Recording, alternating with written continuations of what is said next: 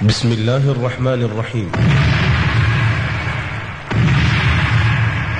يا أيها الذين آمنوا كتب عليكم الصيام كما كتب على الذين من قبلكم لعلكم تتقون أياما معدودات.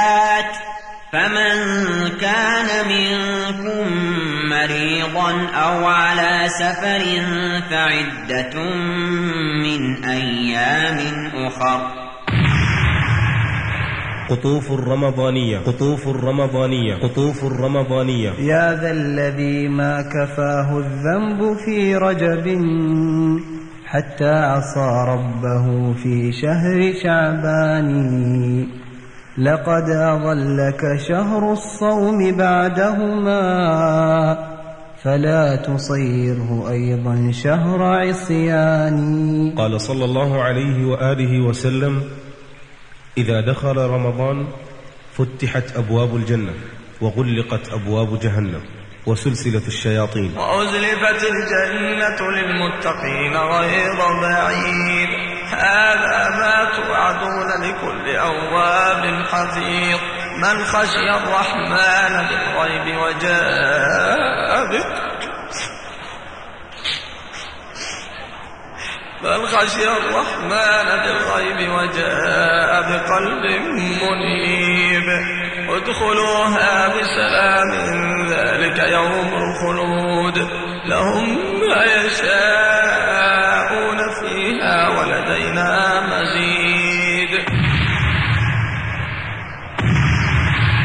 قال صلى الله عليه وآله وسلم الدعاء هو العبادة. اللهم أجب دعاءنا وارفع القهر والظلم عن إخواننا وشكل شمل أعدائنا وأعدائهم واقهرهم بقوتك وبطشك يا حي يا قيوم. ربنا عليك توكلنا وإليك أنبنا وإليك المصير.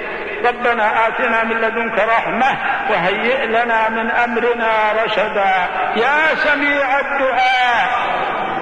اللهم هذا الدعاء ويرجو منك الإجابة. اللهم إن اليأس أحاط بالقلوب من كل مكان إلا من رحمتك. اللهم فلا تجعلنا من القانطين. يا حي يا رب يا رب العالمين.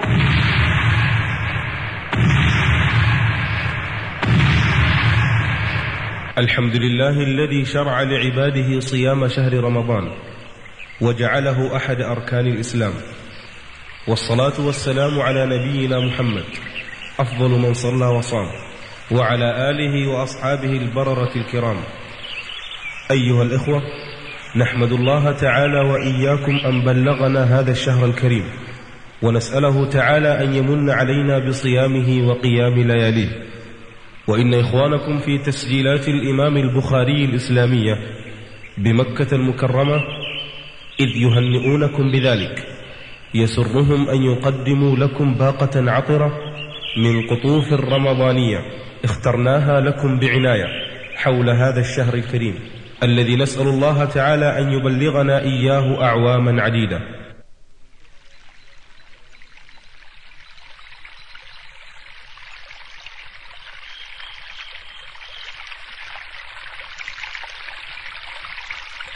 والآن مع هذه المادة بعنوان سؤال وجواب في الصوم وأحكامه لفضيلة الشيخ محمد بن محمد المختار الشنقيطي.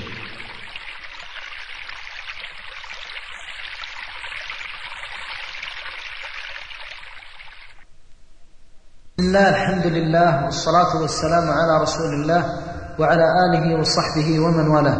أما بعد فنسأل الله العظيم رب العرش الكريم أن يبارك لنا في شعبان وأن يبلغنا رمضان وأن يكتب لنا فيه الرحمة والعفو والصحة والغفران وأن يوفقنا فيه للهدى والبر والإحسان. ولا شك أنها من نعم الله عز وجل على العبد أن يطول عمره ويحسن عمله. قال صلى الله عليه وسلم خيركم من طال عمره وحسن عمله. فالمؤمن لا يرجو من بقائه في الحياة إلا زيادة الخير كما قال عليه الصلاة والسلام في الحديث الصحيح واجعل الحياة زيادة لي في كل خير وندب أمته في كل صلاة أن يستعيذوا بالله من فتنة المحيا والممات فإذا وفق الله العبد ويسر له بلوغ رمضان فليكن أول ما يكون منه أن يحمد الله عز وجل على نعمته وجميل فضله وجليل منته. ويسأله سبحانه أن يبارك له في هذه النعمة لأنك إذا شكرت نعمة الله بارك الله لك فيها. ولما غفل الناس عن شكر الله سلب الله كثير بركة النعم.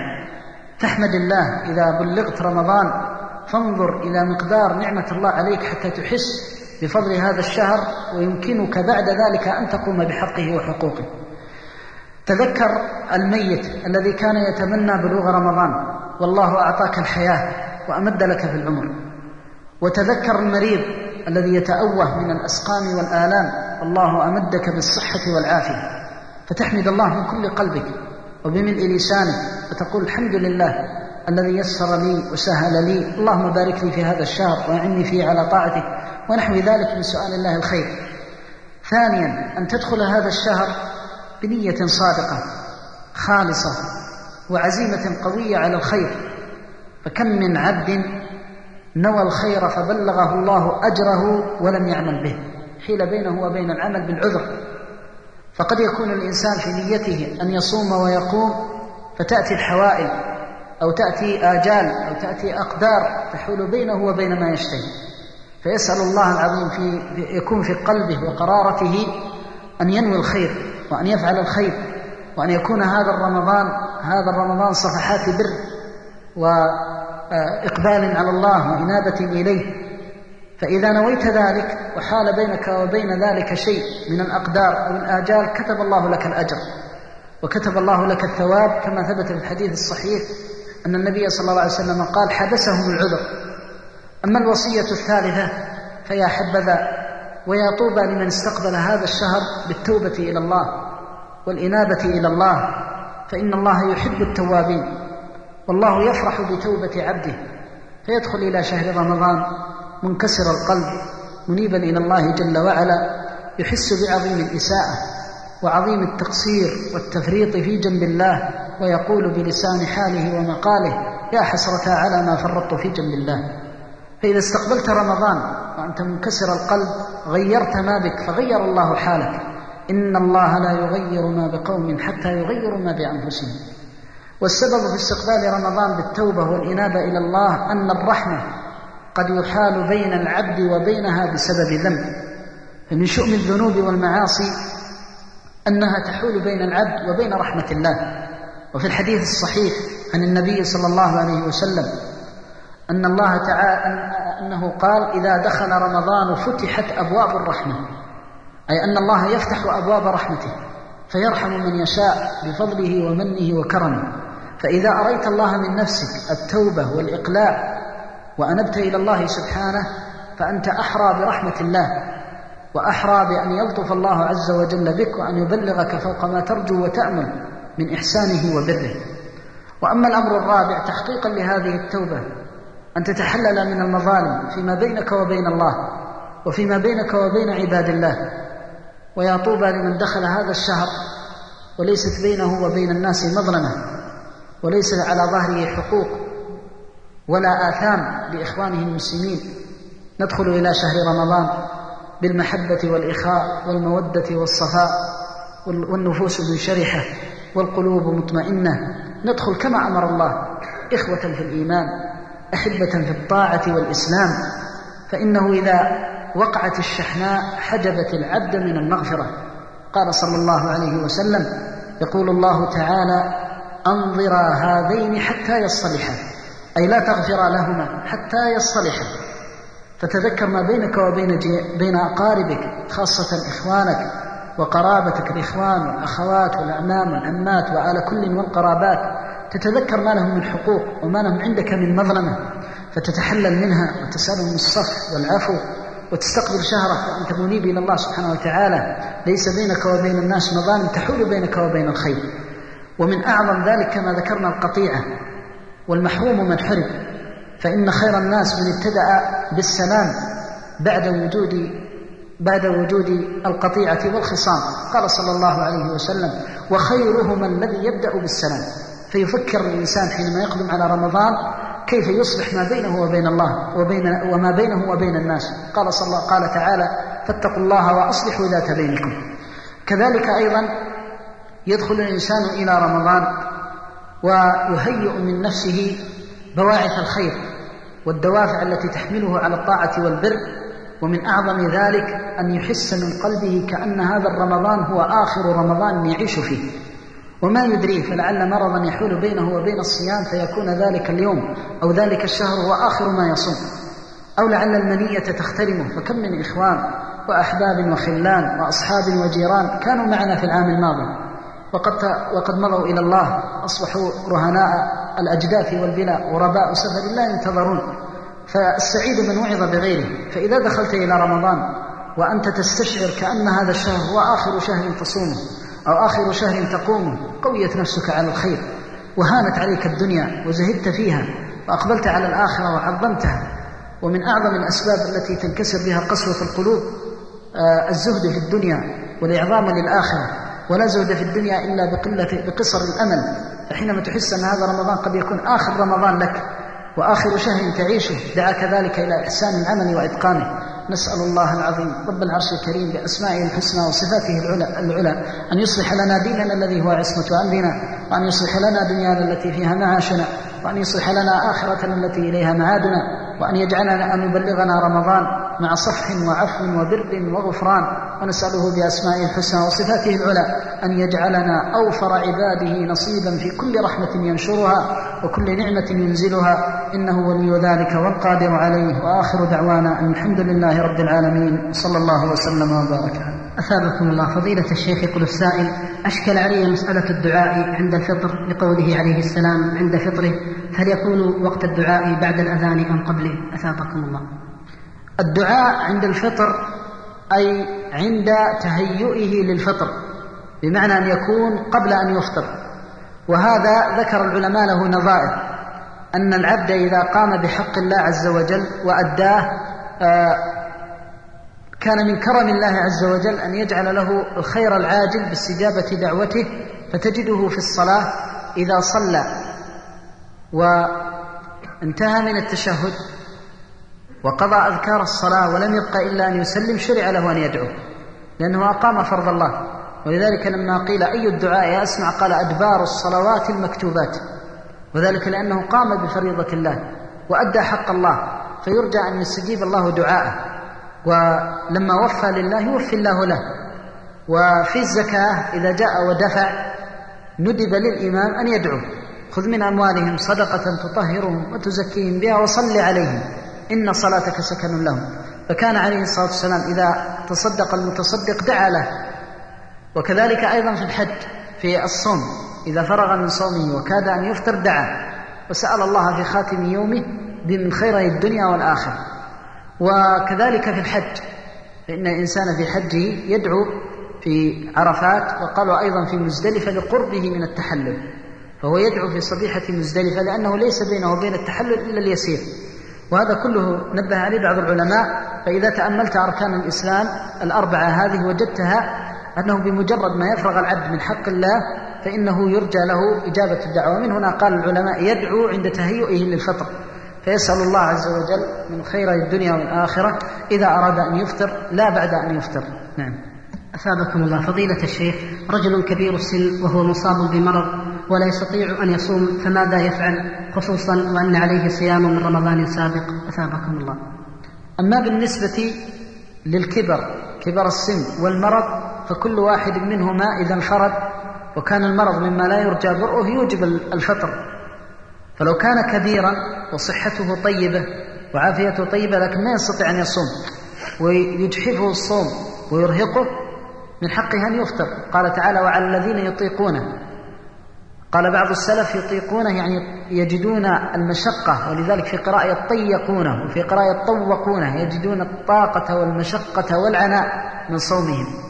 فهذا يفطر وعليه الإطعام. وهكذا إذا كان مريضا مرضا لا يرجى برؤه كفشل كمن به فشل كلوي أو ما أمراض القلب المزمن الذين لا يستطيعون أن يصبروا أو عندهم أدوية لابد من أخذها في ساعات منتظمة كمن كان حديث عهد بعملية جراحية أو نحو ذلك واستدام المرض معه. فهذا إذا استدام معه المرض بحيث لا يمكنه القضاء يفطر ويعتبر حكمه الفطر ويتحول إلى الإطعام مباشرة. أما لو كان مرضه مرض هذا الكبير مما يرجى برؤه وهي النزلة العارضة كالزكام أو الأمراض الخفيفة العارضة التي ترهقه عن الصوم ولكن بعدها يشفى ويمكنه القضاء فإنه يصوم ثم يقضي متى ما تيسر له القضاء ولا إطعام عليه والله تعالى أعلم. أثابكم الله. فضيلة الشيخ من أوتر مع الإمام في القيام وأراد أن يصلي من الليل فكيف يوتر؟ وما معنى قول النبي صلى الله عليه وسلم؟ لا وتران في ليلة. أثابكم الله. لا وتران في ليلة. حديث الترمذي حسنه غير واحد من العلماء. ومعناه أن الوتر ينقض الوتر. لأنه إذا أوتر في الليلة وترين أصبحت الصلاة شفعية وأصبح العدد شفعيا. فهذا هو وجه النهي عن الوترين. والمقصود شرعا أن يبقى عدد الصلاة بالليل وترا. ولذلك قال عليه الصلاة والسلام اجعلوا آخر صلاتكم بالليل وترا. فإذا صلى وترا ثم أوتر بعده وترا ثانيا نقض الوتر الثاني الأول. وعلى هذا فمن صلى مع الإمام وأوتر أو صلى لوحده أول الليل وأوتر ثم استيقظ آخر الليل وأحب أن يصلي فلا يخلو من حالتين. إما أن تكون ركعتين عارضتين يعني يريد أن يصلي ركعتين كأن تكون ركعتي وضوء أو شيئا خفيفا فيصلي شفعا ولا يوتر. لأن النبي صلى الله عليه وسلم صلى ركعتين بعدما أوتر وهذا ثابت في الحديث الصحيح عن أم المؤمنين عائشة. الحالة الثانية أن يريد أن يطول ويقوم كما هو الحال لو أوتر في صلاة التراويح وأراد أن يتهجد أو أوتر أول الليل وقام في آخر الليل وأراد أن يتهجد. ففي هذه الحالة يصلي ركعة ينقض بها الوتر الأول لقوله عليه السلام لا وتران في ليلة فنقض الوتر الثاني الوتر الأول ثم يصلي ركعتين ركعتين ثم يوتر. السبب أنه ينقض الوتر الأول لكي يجعل آخر صلاته بالليل وترا. وقد قال عليه الصلاة والسلام اجعلوا آخر صلاتكم بالليل وترا. فشرع له أن ينقض الوتر الأول حتى يكون وتره في آخر الليل. وهذا هو فعل عبد الله بن عمر رضي الله عنهما واختاره جمع من الأئمة والسلف. نسأل الله العظيم رب العرش الكريم أن يمن علينا بالقبول وأن يتجاوز عنا الزلل والخلل. إنه المرجو والأمل وآخر دعوانا أن الحمد لله رب العالمين. وصلى الله وسلم وبارك على نبيه وآله وصحبه أجمعين. فضيلة الشيخ يقول السائل رجل مات وعليه صوم بعض أيام أفطرها في رمضان من غير عذر هل يجوز الصيام عنه من ورثته أثابكم الله. من مات وعليه الصوم سواء ترك ذلك متعمدا أو غير متعمد فإنه يصوم عنه وليه لأن النبي صلى الله عليه وسلم قال من مات وعليه صوم صام عنه وليه. فهذا يدل على أنه يشرع أن يصوم الولي عن ميته وهذا على العموم سواء كان الميت ترك ذلك متعمدا أو تركه غير متعمد والله تعالى أعلم. أثابكم الله. فضيلة الشيخ رجل أفطر في رمضان سابق ولا يدري كم يوما أفطر فكيف يقضي؟ أثابكم الله. من أفطر من رمضان أياما لم يدري عددها فإنه يبني على التقدير والخرص. نقول له قدر. فلو قلنا عشرة أيام يقول أكثر. نقول عشرين يوما يقول أكثر. نقول ثلاثين يوما يقول أكثر. نقول أربعين يقول أكثر. نقول إذا ستين يقول لا أقل. إذا تقول خمسين. ولو قلنا خمسين قال أكثر قليل. آه كثير. نقول أربعين يقول قليل. إذا خمسون وأربعون. حتى يصل إلى القدر الذي يغلب على ظنه أنه قد أصاب به القدر الواجب عليه وهذا يسميه العلماء الرجوع إلى التقدير. فإذا تعذر علينا معرفة الحقيقة فإنه يرجع إلى التقدير ويكلف الإنسان بالتقدير. والسبب في هذا أن الشريعة تنزل التقدير منزلة اليقين عند تعذر الحساب. ولذلك شرع الخرص كما في النخل وشرع في المزابنة. لأنه يتعذر أن تنزل العرجون وتعلم ما بداخله رفقا من الله ويسرا ورحمة بعباده. الله تعالى. أثابكم الله. فضيلة الشيخ ما حكم من جامع زوجته في نهار وهو صائم صوما تطوعا كالخميس مثلا؟ بالنسبة للجماع للعلماء رحمهم الله فيه وجهان. بعضهم يقول إن الصيام إذا وقع فيه الجماع تجب فيه الكفارة فرضا كان أو نافلة. ومنهم من يقول النافلة أمرها أخف لأن النبي صلى الله عليه وسلم قال المتطوع أمير نفسه. فإذا كان هذا المتنفل قبل أن يجامعها استشعر أنه يريد الفطر وأنه قد عزف عن عن صيامه وجامعها فإنه لا شيء عليه على ظاهر الحديث كما لو أكل وشرب والله تعالى أعلم. أثابكم الله فضيلة الشيخ هل يجوز لشخص عليه قضاء من رمضان؟ أن يصوم ستا من شوال قبل القضاء. أثابكم الله. لا حرج أن يصوم الإنسان ستا من شوال قبل أن يقضي رمضان. والسبب في ذلك أن قضاء رمضان انتقل إلى الأيام الأخر. لقوله تعالى فعدة من أيام أخر. وبناء على ذلك يكون قوله من صام رمضان خرج مخرج الغالب. وعليه فإنه لو, لو صام هذه الأيام الواجبة عليه بعد أن يصوم الست فإن صيامه صحيح لأنه قد صام ستا وثلاثين. ولو قلنا إنه لا بد أن يكون قد صام رمضان فإننا نقول لو قلنا إنه يجب عليه القضاء أولا نقول لو أوجبتم القضاء عليه. وكان القضاء مثلا عشرة أيام تقولون له صم العشرة الأيام ثم صم بعدها ستا. قلنا لماذا؟ قالوا حتى يصدق عليك أنك قد صمت رمضان. فإذا صام العشرة نقول لهم هل تعتبرونه قد صام رمضان؟ قالوا نعم. قالوا بعد أن يصوم العشرة يصوم الست.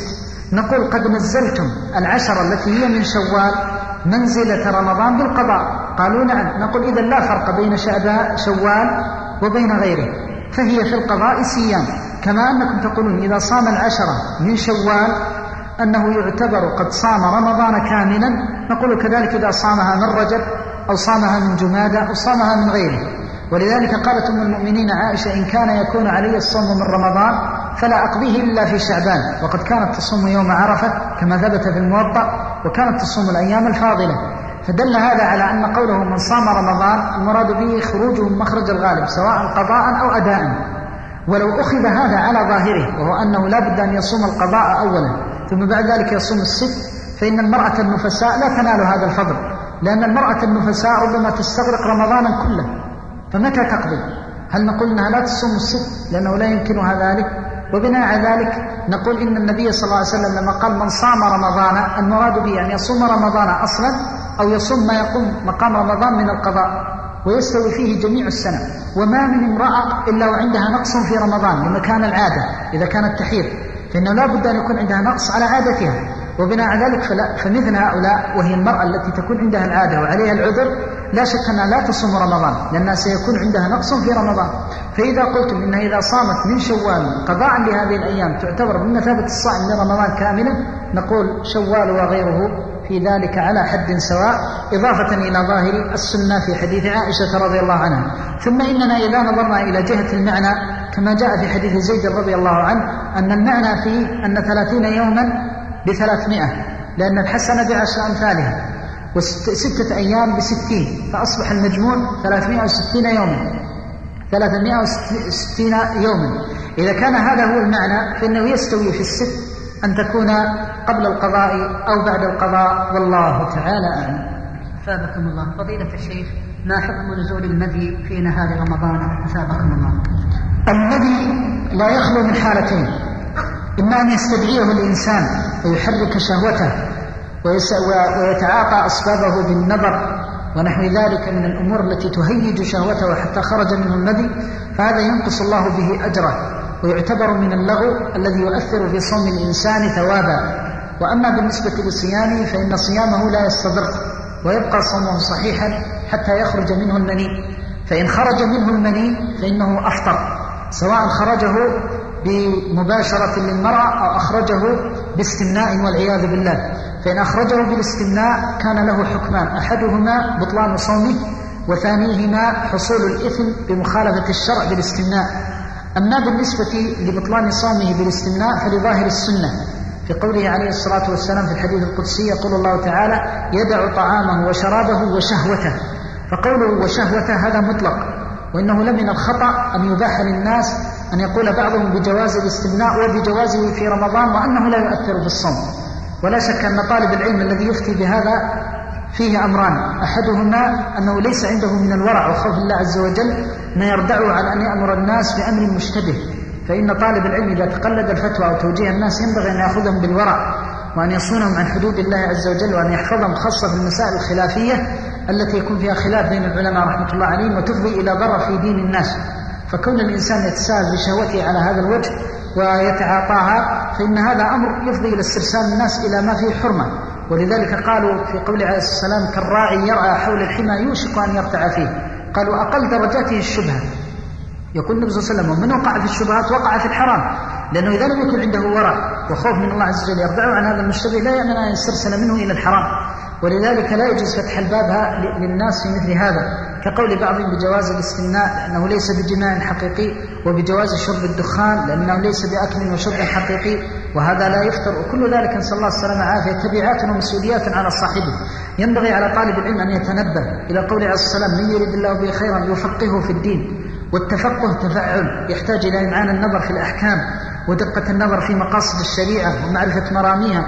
أما أن يأتي ويقول لا أعلم نصا ولا أرى بأسا وهذا يجوز وليس فيه أمر الظاهر على تحريمه هذا حسب علمه. لكنه لو أمعن النظر كما أمعن من هو أعلم منه وأتقى لله منه وأورع منه لوجد الأمر جليا. فإن الشهوة تحصل بالاستمناء ويجد به اللذة كما يجدها بالجماع وإن كان في الجماع أشد وأكمل. لكنها في الاستمناء يجد شهوته ولذلك تجده إذا استمنى لا ينصرف إلى الحرام. ومن هنا قالوا بإباحته عند الضرورة لا على سبيل أنه مباح بذاته ولكن من باب ارتكاب أخف الضررين. قالوا إذا وقف أمام زنا وخاف على نفسه الزنا هل يستمني؟ قالوا يستمني. قالوا يستمني لكنه إذا استمنى يكون حينئذ آثم إثما أصغر من وقوعه في الزنا ففهم البعض أن الإذن به في حال الزنا إذن به على الإطلاق. وهذا من عدم إمعان النظر في كلام العلماء رحمة الله عليهم والأجلاء. ولذلك لها أمثلة فلو أنه خير بين حرام قليل وحرام كثير فإنه لا شك أنك ستصرفه إلى الحرام الأقل. لكن مع ذلك تقول يأثم بهذا الحرام الأقل. فالمقصود أن العلماء رحمة الله عليهم لما قالوا من يخاف على نفسه الزنا يستمني إنما هذا من باب ارتكاب أخف الضررين لا أنه يشرع ويجوز ومباح في دين الله عز وجل. وعلى هذا فإنه إذا خرج منه المني يعتبر مفطرا والله تعالى أعلم. صلى الله وسلم. فضيلة الشيخ يقول السائل إذا أذن المؤذن لصلاة المغرب في رمضان خطأ وأفطر الناس على أذانه قبل الغروب فهل عليهم القضاء؟ أثابكم الله. بسم الله الحمد لله والصلاة والسلام على رسول الله وعلى آله وصحبه ومن والاه. أما بعد فإن المؤذنين مؤتمنون على صيام الناس ويتحملون هذه الأمانة ويسألون عنها بين يدي الله عز وجل.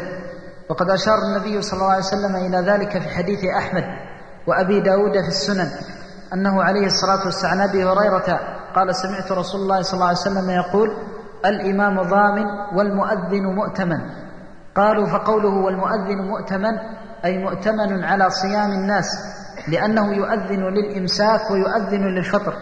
فإذا تساهل المؤذن ولم يتحرى ولم يضبط الوقت لأذانه خاصة في الفجر وفي المغرب فإنه يتحمل إثم كل من أفطر بأذانه خاصة إذا كان ذلك على سبيل الاستهتار والتلاعب فتجده يتسحر ويأكل ولربما خرج من بيته وقد دخل الفجر ولا يؤذن إلا بعد الوقت المعتبر بعشر دقائق أو خمس دقائق.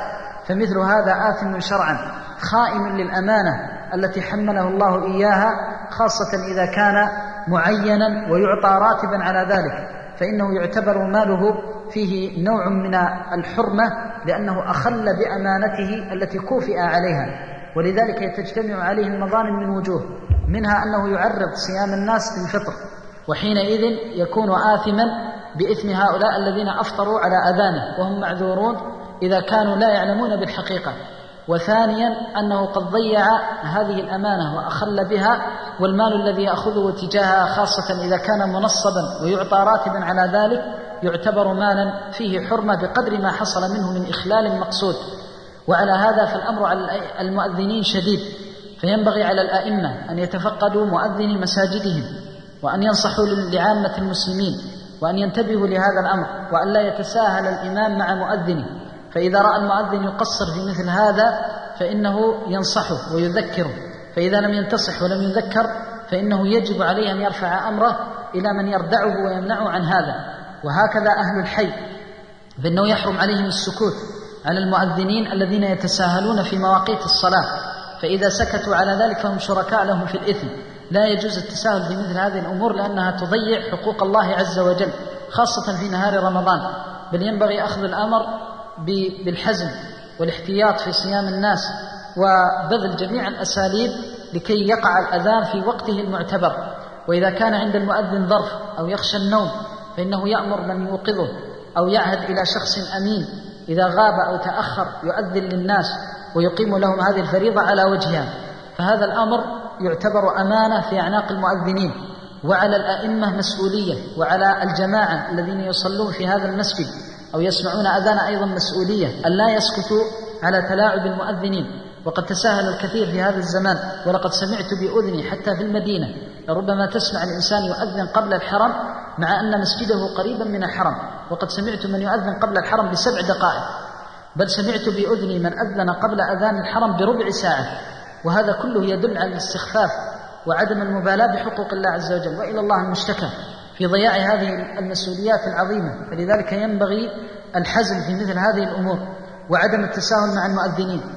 وإذا كان المؤذن يتساهل في أذانه فيؤخر الأذان في السحور يؤخر ويعجل الأذان في المغرب فإنه ينبغي نصحه وتوجيهه وتذكيره بالله وتخويفه من عذاب الله وأن هؤلاء الناس أمانة في عنقه وأنه إذا تساهل وهو يعلم أن الوقت قد ذهب أو أنه وفرط فإنه يلزم بهذا التفريط ويحمل بين يدي الله إثم من أفطر على أذانه أو تسبب في فطره سواء كان أذان الفجر أو كان أذان المغرب.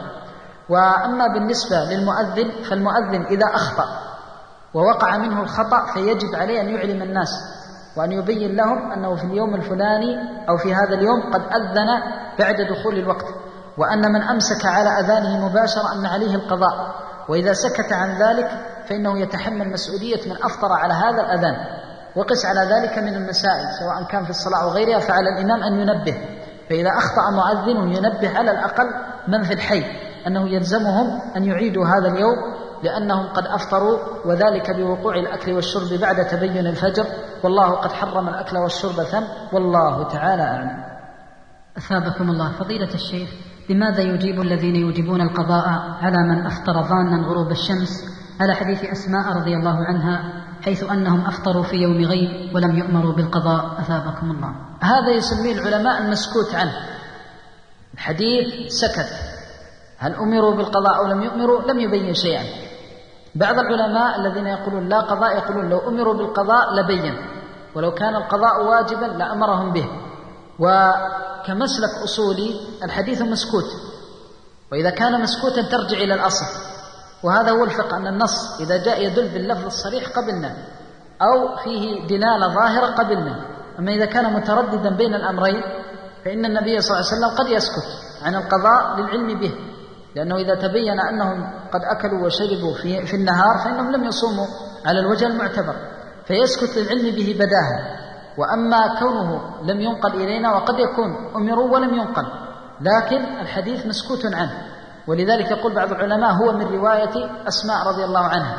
ورواية النساء يخفى عليهم حال الرجال وقد يحصل في الرواية نقص. ومن هنا يقوى القول أنه يرجع إلى الأصل. والأصل أنهم مطالبون بضمان اليوم كاملا والإخلال موجود والأقوى والأحوط والأبرأ للذمة أن نأمرهم بالقضاء. ولا نستطيع أن نقول بأنه لا قضاء عليهم بأمر محتمل فإن الأصول تقتضي أنهم مطالبون بحق الله كاملا وما وردت فيه الرخصة صريحة نرخص وما لم ترد به الرخصة صريحة واضحة فإننا نبقى على الأصل الذي يوجب القضاء والله تعالى أعلم. أثابكم الله. فضيلة الشيخ ألا يقاس من فكر فأنزل بمن كرر النظر فأنزل. من جهة كون كل منهما لم يتعاطى ما يحفظ صومه. أثابكم الله. الفكر أضعف من النظر. قال بعض العلماء هذا لكن الفكر أضعف من النظر. والفكر تهجم فيه الخواطر أكثر من هجمها بالنظر. والفكر مما يشق التحرز عنه أكثر من النظر. فالنظر يمكن أن يغض بصره وممكن أن يصرفه. ولكن الفكر يقهر الإنسان. وقد يدخل عليه فجأة. ولذلك النفس ضعيفة فإذا دهم عليها فجأة فإنها قد تسترسل معه ومن هنا فرق بين الفكر وبين النظر. لكن القول بأنهما بمنزلة واحدة له وجهه ولو حظه من الاستدلال كما ذكرناه. وبناء على ذلك فإن التفريق بينهما من جهة كونه يدهم على الإنسان هو هو الأقوى في نظري ولا يبعد القول الذي قال آه، بأنهما بمنزلة واحدة من القوة والله تعالى أعلم. أثابكم الله. فضيلة الشيخ ما الفرق بين قول المؤلف رحمه الله من أكل شاكا في طلوع الفجر صح صومه وبين قوله أو معتقدا أنه ليل فبان نهارا لم يصح صومه أثابكم الله.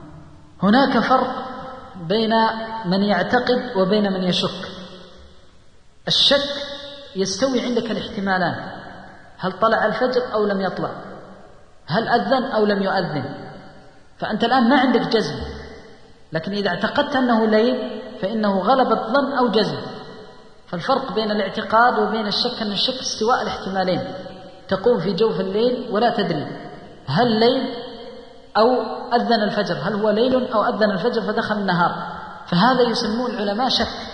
والشك كما ذكرنا استواء الاحتمالين. وإذا قلت نهار قلت يحتمل أن يكون ليل وإذا قلت ليلا يحتمل أن يكون نهارا. فبناء على ذلك تكون في مرتبة كالحائر. لا تدري هل هو ليل أو نهار ولكن الاعتقاد تعتقد واحدا منهما فتجزم. وتقول أعتقد أن الليل إلى الآن لا زال باقي. فهذا اعتقاد وجزم فحينئذ يكون أقوى من الحالة الأولى. فالشك استواء الاحتمالين فترجع إلى الأصل. فإن شككت في الليل هل هو باق أو لا فالأصل بقاؤه. وإن شككت في النهار هل غابت الشمس أو لم تغب فالأصل بقاؤه ففي الأول تأكل وفي الثاني تمسك. وهذا الفرق بينهما. أن في الشك لا جزم وفي الاعتقاد فيه جزم إما على سبيل اليقين أو على سبيل الغالب. والله تعالى أثابكم الله. فضيلة الشيخ من تبرع بدمه في نهار رمضان لإنقاذ حياة مصاب فهل يؤثر ذلك في صومه؟ أثابكم الله. التبرع بالدم لإنقاذ حياة المصاب قربة وطاعة وصدقة وهو داخل في عموم قوله تعالى ومن أحياها فكأنما أحيا الناس جميعا. وقال بعض العلماء من تسبب في حياة نفس وكانت صالحة وقصد أن تعان على صلاحها كان له كأجرها بعد إنقاذها.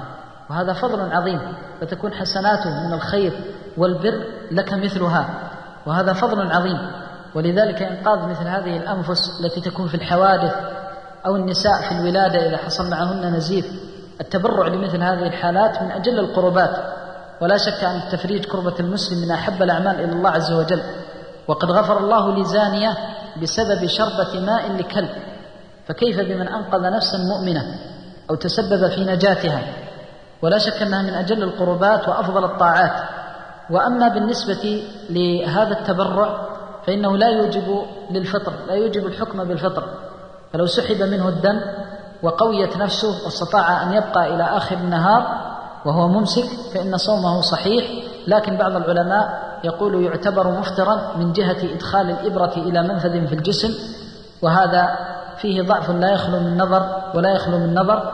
وعلى هذا فإن الأصح أنه لا يفطر والله تعالى أعلم. فضيلة الشيخ ما حكم الأكل مع سماع أذان الفجر من رمضان؟ أثابكم الله.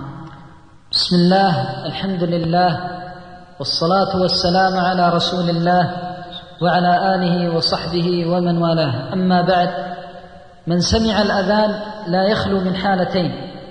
الحالة الأولى أن يتحقق أن المؤذن قد أخطأ كأن يكون عنده معرفة بالفجر الصادق وينظر في السماء كما يحصل في البادية.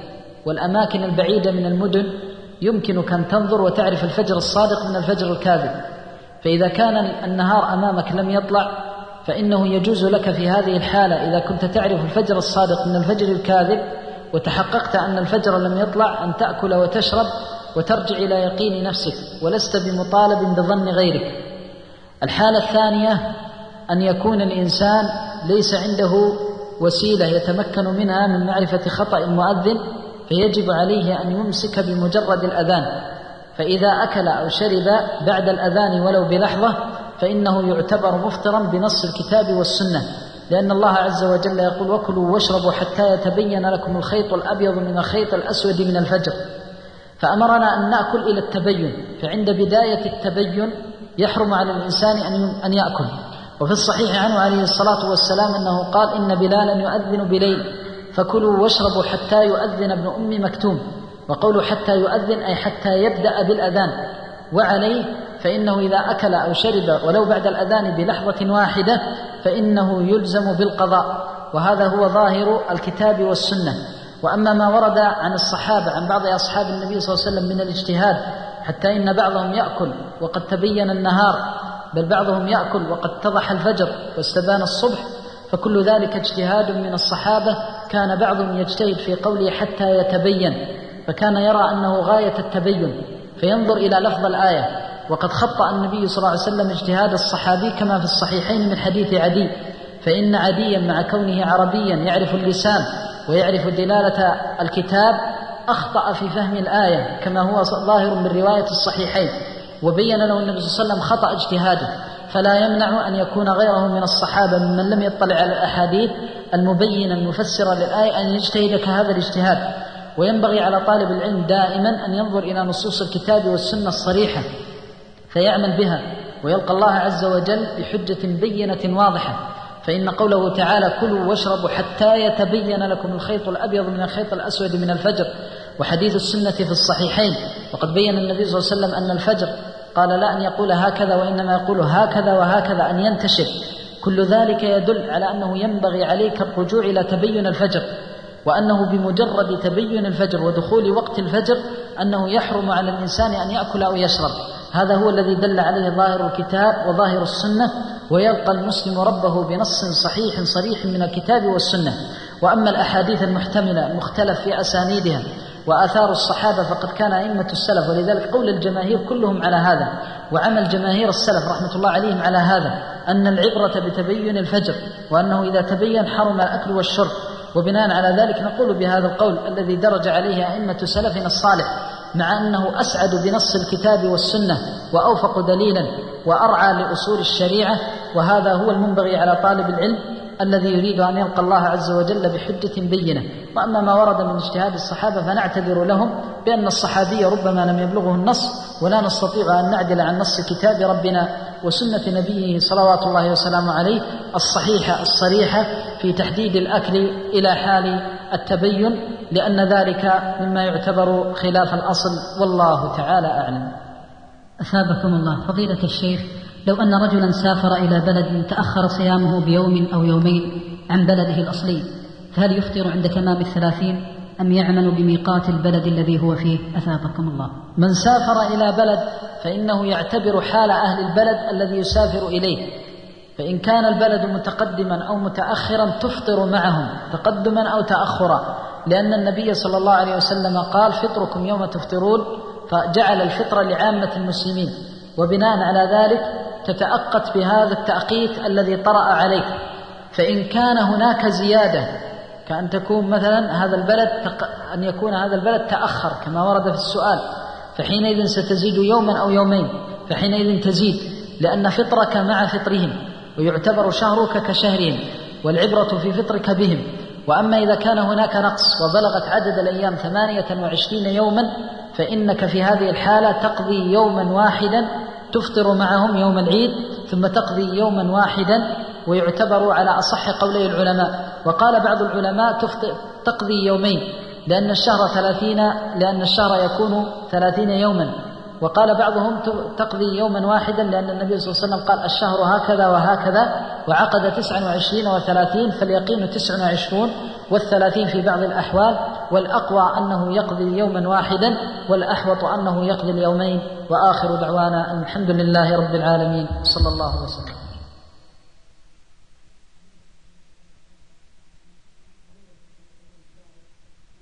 فضيلة الشيخ يقول السائل ما كان عالقا بين الأسنان من أثر السحور؟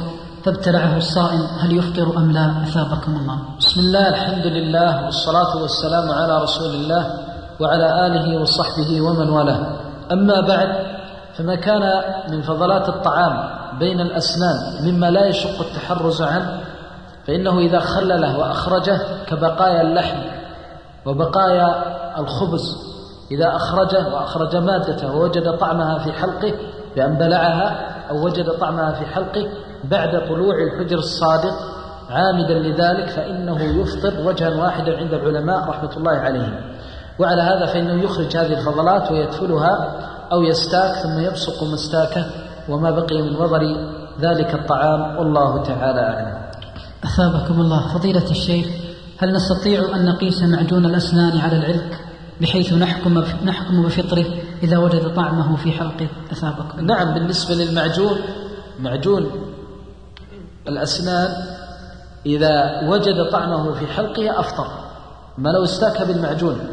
ثم تمضمض ونظف فمه حتى ذهبت مادة المعجون فحينئذ لا يؤثر لأن الفم الخارج كما ذكرنا كما لو استاك بالمسواك فإن هذا لا يضر لكن لو تحلل المعجون ووجد طعمه في حلقه فإنه يعتبر مفطرا والله تعالى أعلم. أثابكم الله. فضيلة الشيخ يقول السائل بعد الوضوء أحسست في فمي ماء المضمضة ما حكم بلعها؟ أثابكم الله. بالنسبة لماء المضمضة إذا كان ماء المضمضة موجودا في الفم أو بقايا المضمضة موجودة في الفم فيجب إلقاؤها. فإن بلعها فإنه يكون في حكم الشارب. أما إذا كانت بقايا المضمضة وهي التي تكون مع اللعاب مما يشق التحرز عنه فهذا العلماء اغتفروه لأنه يشق التحرز عنه. إنما نتكلم لو أفضل المضمضة. فطرح بعض الماء وأبقى بعض الماء ثم ازدرده فإنه يفطر وجها واحدا عند العلماء. أما لو بقيت أثر الماء بقايا الماء من نظافة اللعاب مما هو مع اللعاب مصاحب للعاب فإن هذا لا يضر. نعم. فضيلة الشيخ يقول السائل على القول الراجح بأن الشروع في النوافل لا يصيرها فرائض فما معنى قول الله عز وجل ولا تبطلوا أعمالكم أثابكم الله بسم الله الحمد لله والصلاة والسلام على رسول الله وعلى آله وصحبه ومن والاه. أما بعد فإن ظاهر هذه الآية الكريمة المراد به ما أوجب الله على عبده وفرضه على عبده. فهذه الأعمال التي فرضها الله سبحانه وتعالى على العبد فإنه لا ينبغي عليه أن يسعى في إبطالها وكذلك إفسادها باختياره. أما بالنسبة للنوافل وبالنسبة لما لم يوجبه الله عليه فإننا نقول يجوز له أن يقطعه. والسبب في ذلك أنه لو قيل إن الآية عامة في قوله لا تبطلوا أعمالكم فإننا نقول هذا العام مخصص لأنك لو قلت إن الشروع في النافلة يصيرها فريضة أصبحت النافلة التي نص الشرع على كونها نافلة أصبحت فريضة والشرع إنما نص على كونها نافلة. فأنت إذا قلت إن الشروع بالنوافل يصيرها فرائض أصبحت النوافل فرائض. والنص عندنا يدل على أن النافلة نافلة ويدل على ذلك قوله عليه الصلاة والسلام إذا أقيمت الصلاة فلا صلاة إلا المكتوبة فدل على أن النافلة ليست بفريضة. إذا لو كانت النافلة فريضة بالشروع للزم إتمامها ولو فاتت الفريضة. فدلت هذه النصوص بمجموعها على أن النافلة نافلة وأننا لو قلنا إن الشروع فيها يصيرها فريضة فقد خالفنا أصل الشرع. الذي جعلها ليست بلازمة كما في الصحيحين عنه عليه الصلاة والسلام أنه قال هل علي غيرها قال لا إلا أن تتطوع. فوصفه بكونه متطوعا من بداية العمل إلى نهايته فدل على أن الطاعة أو النافلة نافلة وأنها لا تصير فريضة بالشروع والله تعالى أعلم. أثابكم الله فضيلة الشيخ من نذر أن يصوم لله يوما ثم صام وأراد أن يقطع صومه ويصوم في يوم آخر فهل له ذلك؟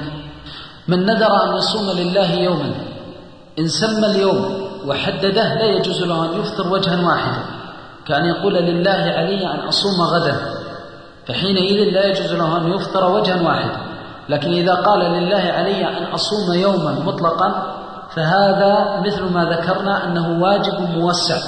يصدق على أي يوم لكنه بمجرد دخوله فيه صار مضيقا عليه وحينئذ هو فريضة في أصله وبتحديده لذلك وسبقه له يوجب عليه الإتمام والله تعالى أعلم.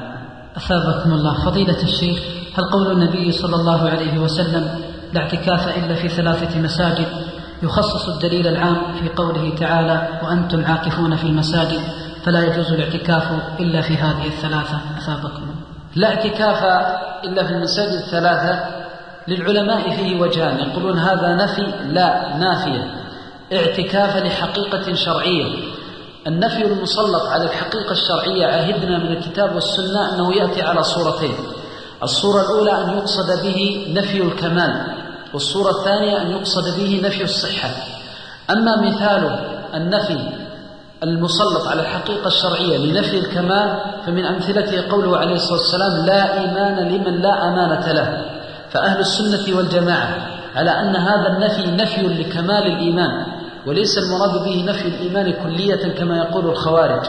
وإنما قالوا إنما هو نفي لكمال الإيمان لثبوت النصوص الأخرى التي تدل على أن الإيمان لا يحبط بنقصانه عن الكمال. فقوله لا إيمان نفي لا إيمان والإيمان حقيقة شرعية. فتسلط النفي على الحقيقة الشرعية وهي الإيمان.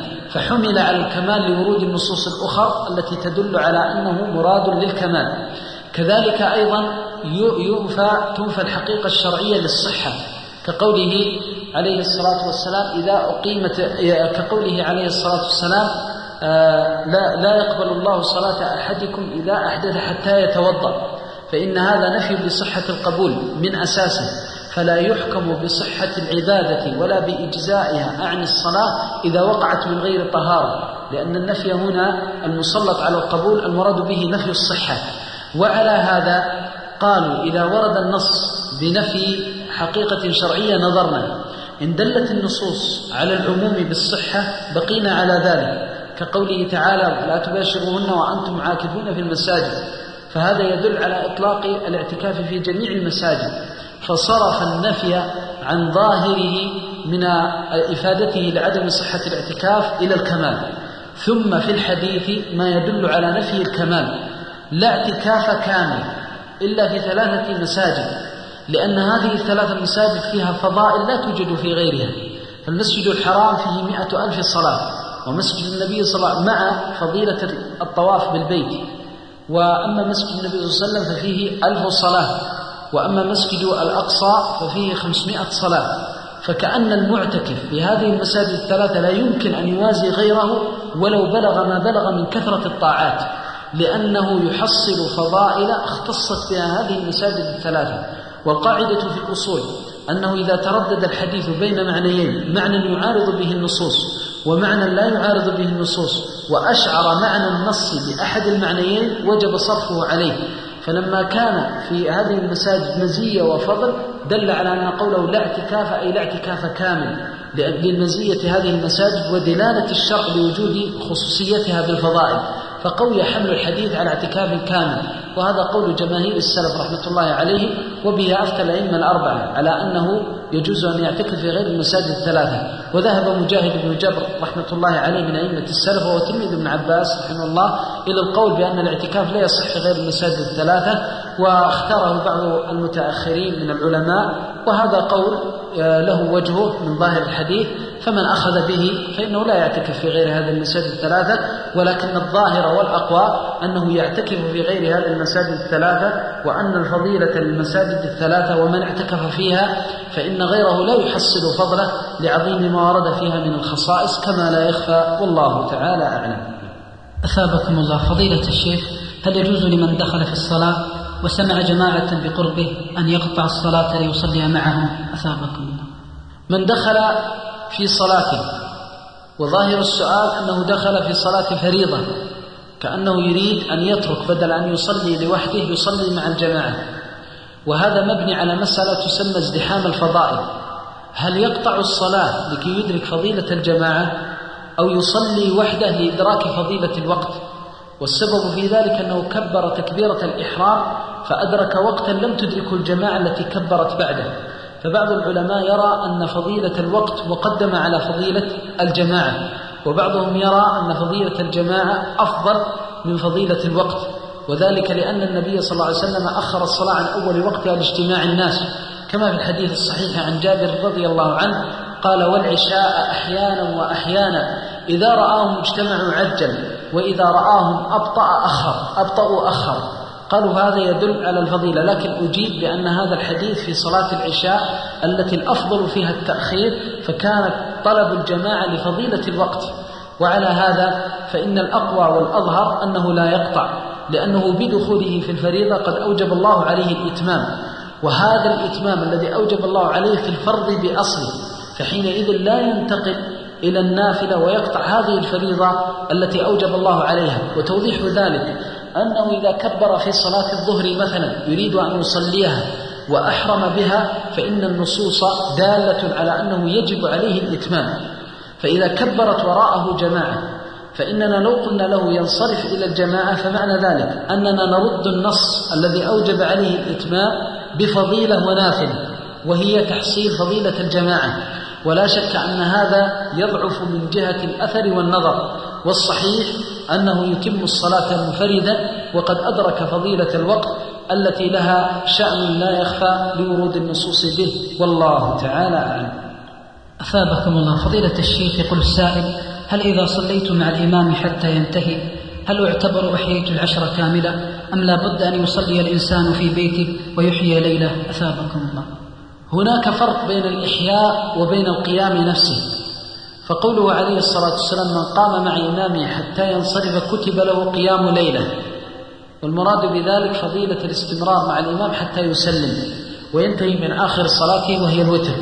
وهذا يحصل فضيلة قيام الليلة. أي كأنه في الأجر والثواب قام الليلة كاملة لكن هذا لا يتعلق بقيام الليالي المقصودة بذاتها فإن التعبير المشعر بفضيلة الفعل لا يدل على تحقق الفعل بنفسه ولذلك فرق بعض العلماء في الأدلة التي وردت بفضائل الأعمال التي ينزل الإنسان فيها منزلة الفاعل فقالوا قوله عليه الصلاة والسلام من صلى الفجر في جماعة ثم جلس يذكر الله حتى تطلع تطلع الشمس ثم صلى ركعتين.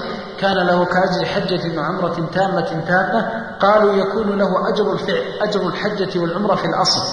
أما من حج واعتمر وتكبد المشاق وتحملها فله أجر الفعل الأصلي وأجر المتاعب والمشاق. ولذلك قالوا أنه يفرق في هذا بين فضيلة قيام الليلة وبين كونه قد قام العشر حقيقة. فمقصود الشرع أن يقوم ليلة العشر كاملة. وعلى هذا فإنه يكتب له قيام الليلة فضيلة ولا يعتبر قائما حقيقة. وآخر دعوانا أن الحمد لله رب العالمين. صلى الله وسلم. الصفرة والكدرة لا تخلو من ثلاث حالات. الحالة الأولى أن تأتي قبل زمان الحيض. الذي اعتادته المرأة كأن تكون عادتها الستة الأيام من أول كل شهر. فإذا جاءتها في نهاية الشهر السابق فإنها تعتبر استحاضة. لا تمنع من الصوم ولا تمنع من الصلاة. وتغسلها ثم تضع قطنة في الفرج ثم تصلي. وأما إذا كانت الحالة الثانية أن تكون الصبرة والكدرة أثناء أمد الحيض. فهي حيض على الصحيح من أقوال العلماء لحديث أم عطية كنا لا نعد الصبرة والكدرة بعد الحيض شيئا. ومفهوم هذا الحديث أنها في الحيض حيض. وأما إذا جاءت الصبرة والكدرة بعد انتهاء أمد العادة كأن تكون عادتها سبعة أيام فجاءتها بعد السبعة الأيام فإنها استحاضة وجها واحدا عند أهل العلم وآخر دعوانا أن الحمد لله رب العالمين. صلى الله عليه وسلم.